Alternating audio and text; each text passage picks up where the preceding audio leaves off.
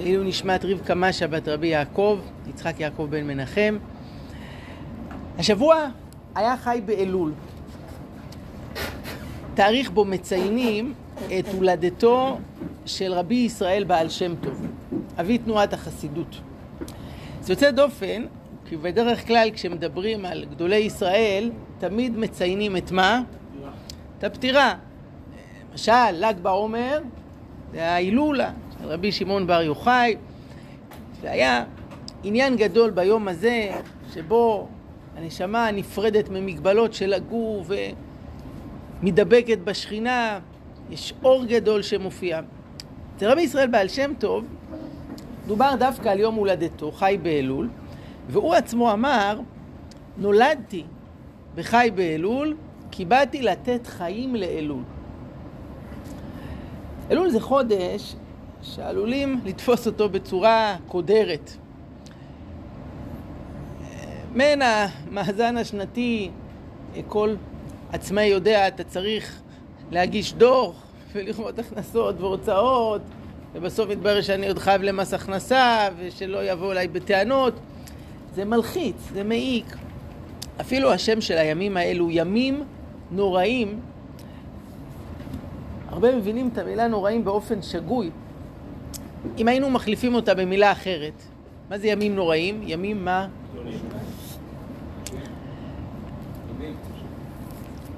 או, אז זו השאלה, אם זה ימים מפחידים, רעים, כמו שאנחנו משתמשים בביטוי, זה פשוט איום ונורא.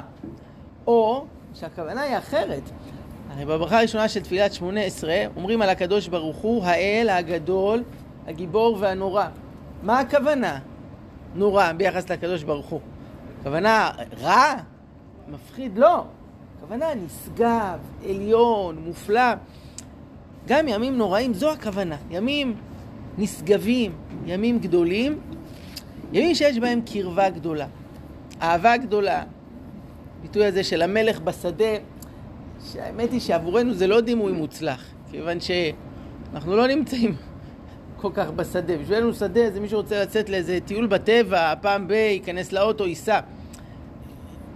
הביטוי המקורי המלך בשדה, כי אנשים חיו בשדה, היו יוצאים לעבודה, פוגשים שם את, ה, את המלך. הקדוש ברוך הוא יורד אלינו, איתנו. רבי ישראל בעל שם טוב חי לפני כשלוש מאות שנה, נולד ופעל באוקראינה, אחרי זה החסידות התפשטה בפולין, אה, בעוד ארצות במזרח אירופה, ומאז ההשפעה רק הולכת ומתגברת. זה גם ההתנגדות, ולא ניכנס לזה כי זה נושא לשיעור שלם, שנלחמה בתחילת הדרך בתוקף רב בחסידות בגלל כל מיני חששות, מאוד הושפעה ממנה. בסופו של דבר הייתה השפעת גומלין חיובית של שתי התנועות אחת על השנייה, כך אמר הרב קוק, פרספקטיבה של 150-200 אמ, שנה אחרי. בכל אופן, הכל התחיל מהאיש הזה, רבי ישראל בעל שם טוב, שהשבוע, זה היה היום הולדתו. ויש כאן רב שלפניכם כמה ניצוצות מהתורה הגדולה שלו, שמתחברת מאוד גם לתשובה ולהתחדשות של חודש אלול. רבי ישראל עצמו לא השאיר לנו ספרים, מה שיש לנו זה תורות מתלמידיו, שעברו אה, מדור לדור, והם כבר כתבו את הדברים. אז הנה כמה הערות שמבטאות מיסודות השקפת העולם החסידית והיהודית. בקטע הראשון מובא פה דבריו של רבי נחום מצ'רנוביל, שכותב כך: אין חילוק בעבודתו בין כשעושה מצווה מן המצוות, או כשאוכל ושותה, הכל הוא אצלו עבודת הבורא ברוך הוא, כי מלוא כל הארץ כבודו. והנה בכל דבר יש תורה, אפילו בעולם הזה. דהיינו דברים גשמיים, שורה חיות. דימוי יפה של הרב הדין שטיינזלץ, שבעצמו היה מאוד מקורב לחסידות, לחב"ד, שהוא אמר, הרבה אנשים מתייחסים לאלוקים כמו האבא או האימא הקשישים שלהם, שמאפסנים אותם באיזשהו בית אבות. יכול להיות בית אבות יוקרתי, עולה הרבה כסף לשלם כל חודש. והבן אדם אומר, בסדר, אני אבוא אפילו פעם בשבוע, לבקר שם את אבא שלי. אני אקח איתי את הילדים, נגיד לו שלום, נשב שם חצי שעה, וזהו. אני לא רוצה אותו שהוא יגור אצלי בבית, יותר מדי, מעמיס. אמר שטיינזלץ, יש כאלה שזה המערכת יחסים שלהם עם אלוקים. הם שמים אותו באיזה בית אבות, או לחילופין בית כנסת, שיכול להיות מאוד מפואר, יש מושבים יפים, יש מיזוג חבל על הזמן, יש שלטים על הקירות. יגיעו פעם בשבוע, אפילו פעם ביום. יבקרו אותו, יביאו את הילדים, אבל לא יכניסו אותו אליהם הביתה. ייקחו אותו לעבודה, בהתנהלות היום-יום השוטפת, זה too much בשבילם. אבל זאת לא התפיסה היהודית האמיתית, שמלוא כל הארץ כבודו, שלית אתר פנוי מיני, בכל דבר יש חיות אלוקית. הבריאה זה לא אירוע פרה-היסטורי מלפני אה, אלפי שנים, אלא זו התרחשות מתגלגלת, עכשווית, המחדש בטובו בכל יום תמיד. אם לרגע אחד הקדוש ברוך הוא יפסיק לתת את החיות, את הנשמה בעולם, הכל קורס, נמוג. ובכל דבר, לא רק הדברים הרוחניים, תפילה, לימוד תורה, אלא גם הדברים הכי גשמיים, יש שם ניצוץ אלוקי. יש את החיות, את השכינה שמופיעה בכל. אין לך כל עשב ועשב שאין לו מלאך ברקיע שאומר לו גדל המלאך. זה אותו ניצוץ רוחני שנמצא בכל דבר. זאת נקודה שהיא מהפכנית ביחס של האדם לאלוקים ובאופן שבו הוא נותן לקדוש ברוך הוא מקום בחיים שלו. האם זה פינה או שזה בכל מקום בחיים? על גבי זה, תראו מה אומר רבי יעקב יוסף מפולנה, אמ, זה כלל גדול, תראו במקור השני, בכל פעולותיך שתעשה לשם שמיים, תראה שתהיה מיד בעשותך הדבר, יהיה בו עבודת השם, אין באכילתו. שלא אמר שיהיה כוונו אכילתו לשם שמיים, שיהיה לי כוח אחר כך לעבודת השם. הגם שזה גם כן כוונה לטובה. מכל מקום, עיקר השלמות שיהיה בו עובדה לשם שמיים מיד. תראו, זה שיהודי צריך לעשות מעשיו לשם שמיים, זה דבר ידוע, עתיק יומים. הרמב"ם בפרק החמישי משמונה פרקים מעריך בזה שכשאדם ישן, מה הוא התכוון? שאני עכשיו הולך לישון כדי שיהיה לי כוח אחרי זה. ואדם אוכל כדי לתת דלק ואנרגיה לגוף, ואני אוכל אחר כך לעשות מצוות, עושים טובים וכולי.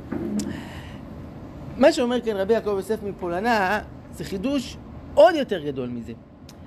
זה לא שאני עושה עכשיו כדי שאחרי כן יצא מזה משהו לשם שמיים, אלא שכרגע ממש, כשאני אוכל את הקורסון הזה, את הכוס קפה, כשאני הולך עכשיו לישון, כלומר עושה משהו מאוד גשמי, גם בדבר הגשמי הזה יש ניצוץ אלוקי שאני מתחבר אליו, מתמזג איתו, מעלה אותו, מחבר אותו אליי. חלק מעניין הברכה זה לעזור לנו להתכוון לזה, להבין שהקדוש ברוך הוא, יש איזה ניצוץ אלוקי ששורה בתוך הדבר הזה. הרי ריבונו של עולם היה יכול לברוא אותנו נשמה בלבד. הוא הכניס אותנו בתוך הגוף הזה, והוא רוצה שנאכל, שנישן, ושנטפל בגוף שלנו. ועל הלל מסופר שהתלמידים שלו ראו אותו הולך לאיזה מקום, שואלים אותו איפה אתה הולך? לעשות מצווה. מה אתה, לאיפה אתה הולך? מה, איזה מצווה? אני הולך לבית המרחץ. אה, לרחוץ את הגוף, להיות נקי, יפה, מכובד. זאת מצווה לא רק בשביל משהו אחר, אה, זה, זה גם נכון שיהיה מזה אולי אחרי זה יהיה לי כוח, אני אהיה רענן, אבל כבר עכשיו, השינה, האכילה, האלוקות נמצאת בכל דבר.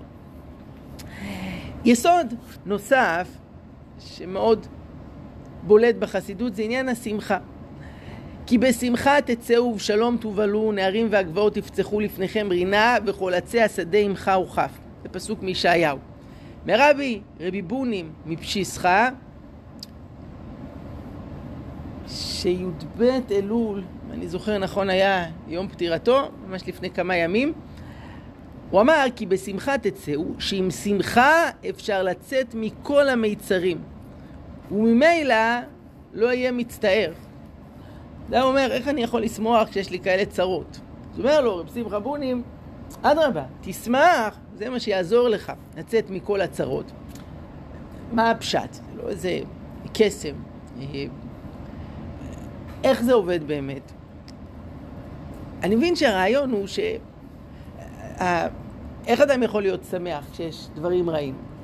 זה יכול לקרות רק אם הוא מתנשא לאיזשהו מבט עליון יותר מהמבט האנושי. והוא מצליח להתחבר למבט האלוקי, יש משפט, אין רע יורד מן השמיים. נכון שבעולם הזה אנחנו רואים רע, אבל השורש של הכל זה שורש טוב, יוצר אור ובורא רע, אני השם עושה כל אלה. הכל מגיע משמיים, רק זה מופיע בעולם בדרכים שנראות פחות טוב, אבל המגמה השורשית זאת מגמת הטוב. ואדם שמאמין בזה, אפילו אם הוא לא מבין את זה, הוא לא רואה. מה שנגלה נגד עיניו זה רע, זה כאב, זה ייסורים, אבל הוא מבין שזה משמיים, זה לטובה, זה מכוון, זה מדויק, זה מאפשר לו לקבל את זה באהבה. ואם הוא מתקדם עוד יותר, אפילו לשמוח על זה. אדם שמזדהה עם המבט האלוקי, זה כבר מרים אותו מעל הצרה.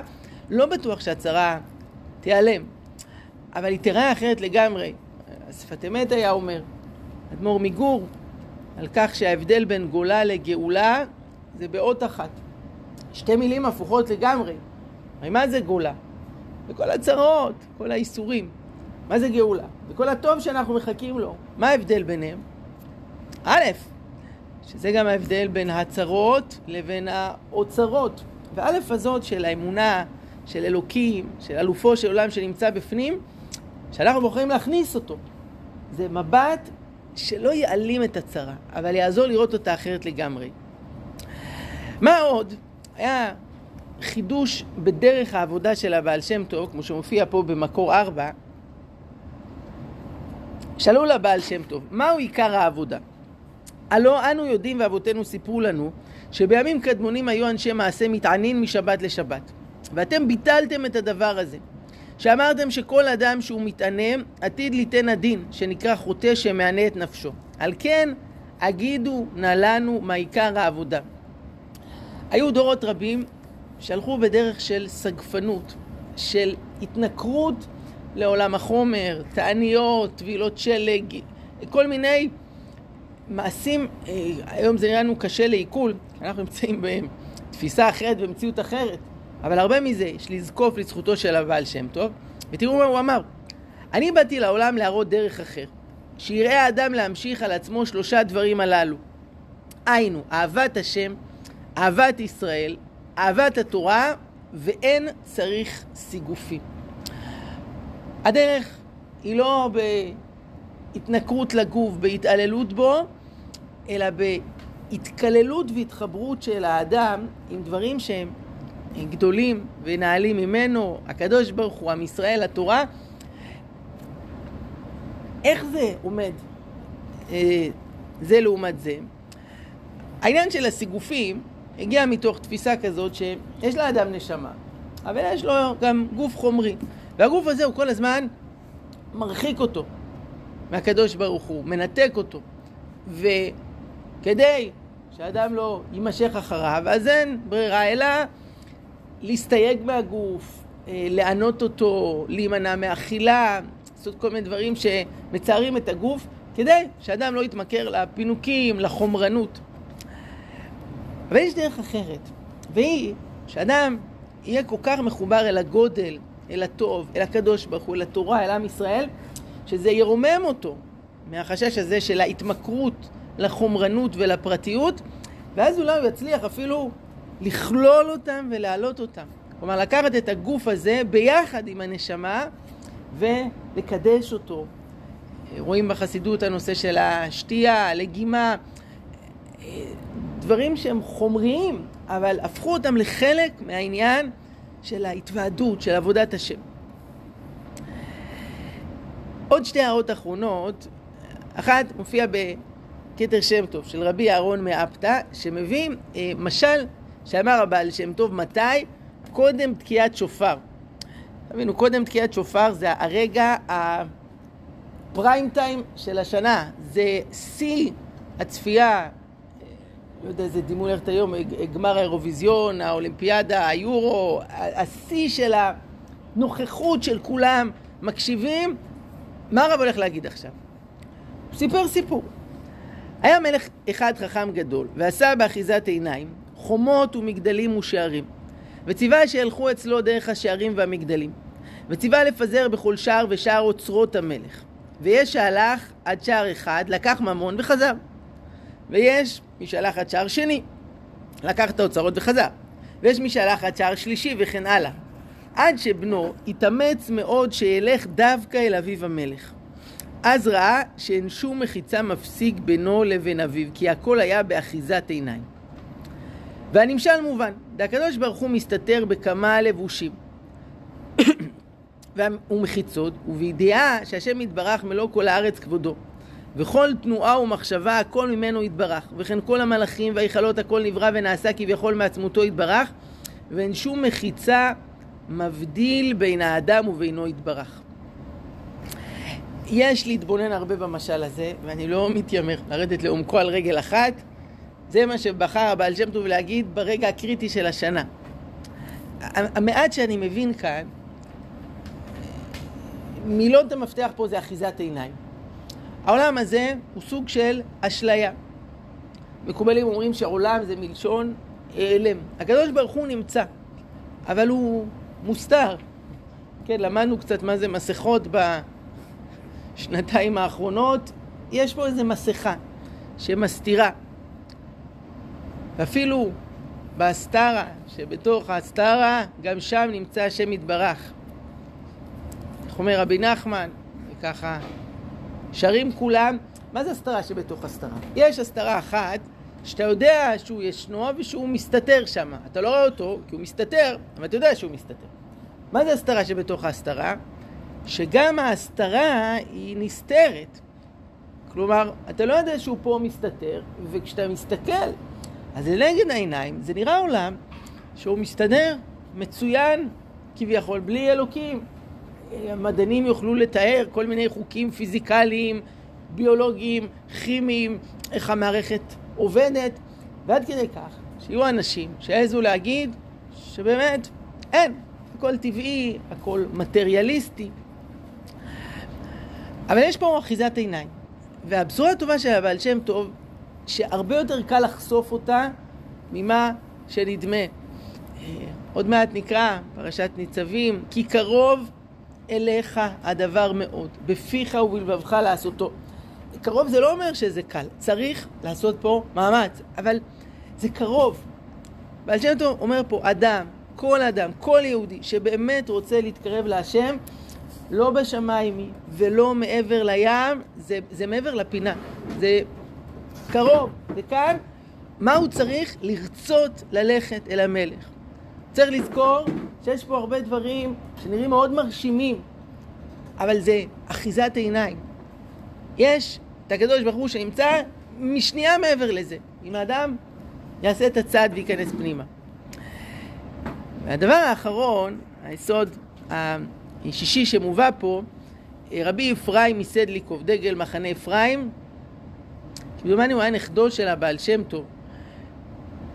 ואומר כך, יש לומר בזה דרך רמז, על פי הידוע מאבי אדוני זקני, כלומר, סבא שלי, כי במקום שמחשבתו של אדם, שם, שם הוא כולו, וכן הוא בדיבור ובמעשה, באיזו מדרגה ובאיזה עולם שהוא שם, שם הוא קשור כולו בזה העולם. זה משפט מפורסם שבמקום שהמחשבה נמצאת, שם האדם נמצא. זה מזכיר את המשפט של רבי שניאור זלמן מלאדי בעל התניא, שדרך אגב גם הוא נולד בחי באלול, שאמר, תחשוב טוב, יהיה טוב. כן, זה לא אודי דוידי, בעל התניא, והעיקרון שעומד מאחורי זה, איפה נמצא האדם? האם העניין הפיזי הוא הקובע, או שהמחשבה היא זאת שמכריעה? אה, שמעתי לפני כמה ימים אה, דבר מרתק. יש באוניברסיטת הרווארד בארצות הברית מעבדה למחקר העושר. חוקרים מה זה עושר, איך להגיע אליו. עומד בראשה חוקר בשם דן קסלר. והם עשו ניסוי מעניין, שבו לקחו קבוצה של אנשים והתקינו להם בטלפון הסלולרי אה, אפליקציה שמספר פעמים ביום באופן אקראי נתנה להם איזה התראה ושלחה להם שלוש שאלות. שאלה ראשונה, כמה אתה שמח מאחד עד עשר? שאלה שתיים, מה אתה עושה עכשיו? שאלה שלוש, על מה אתה חושב? תחשבו, אדם בשתיים בצהריים מקבל התראה. שאלה ראשונה, כמה אתה שמח מאחד עד עשר? חמש. מה אתה עושה עכשיו? אני שוטף כלים. על מה אתה חושב? על החופשה הבאה שלי בקיץ. עובר כמה שעות, שוב, באופן אקראי מתעצל. מה אתה עושה עכשיו? אה, אני נותן לילדים ארוחת ערב. כמה אתה שמח מ-1 עד 10? 4. על מה אתה חושב? על הטאקל שהיה לי עם הבוס הבוקר בעבודה. וכן. ואז ניתחו את התוצאות של המחקר וגילו דבר מדהים. אין קשר בין מה שאדם עשה למידת השמחה והאושר שהיו לו.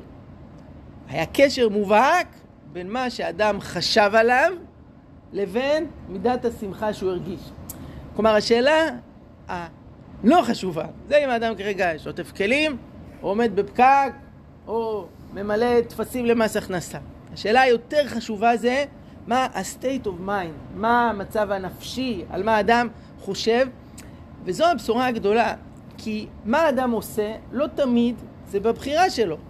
יש דברים, מה לעשות? נתקענו, ואנחנו בבידוד, וצריך לעשות סידורים, ולנקות את הבית, וקניות, לטפל בילדים. מה לעשות? אני צריך לעשות את זה, אבל לא אוהב את זה. אבל אני כן בוחר, וזה הדבר שמשפיע על האושר, מה אני חושב, מה, ממילא מה אני מרגיש, וזה מה שאומר רבי אפרים מסדליקו בשם סבא, רבי ישראל בעל שם טוב, במקום שמחשבתו של אדם, שם הוא כולו.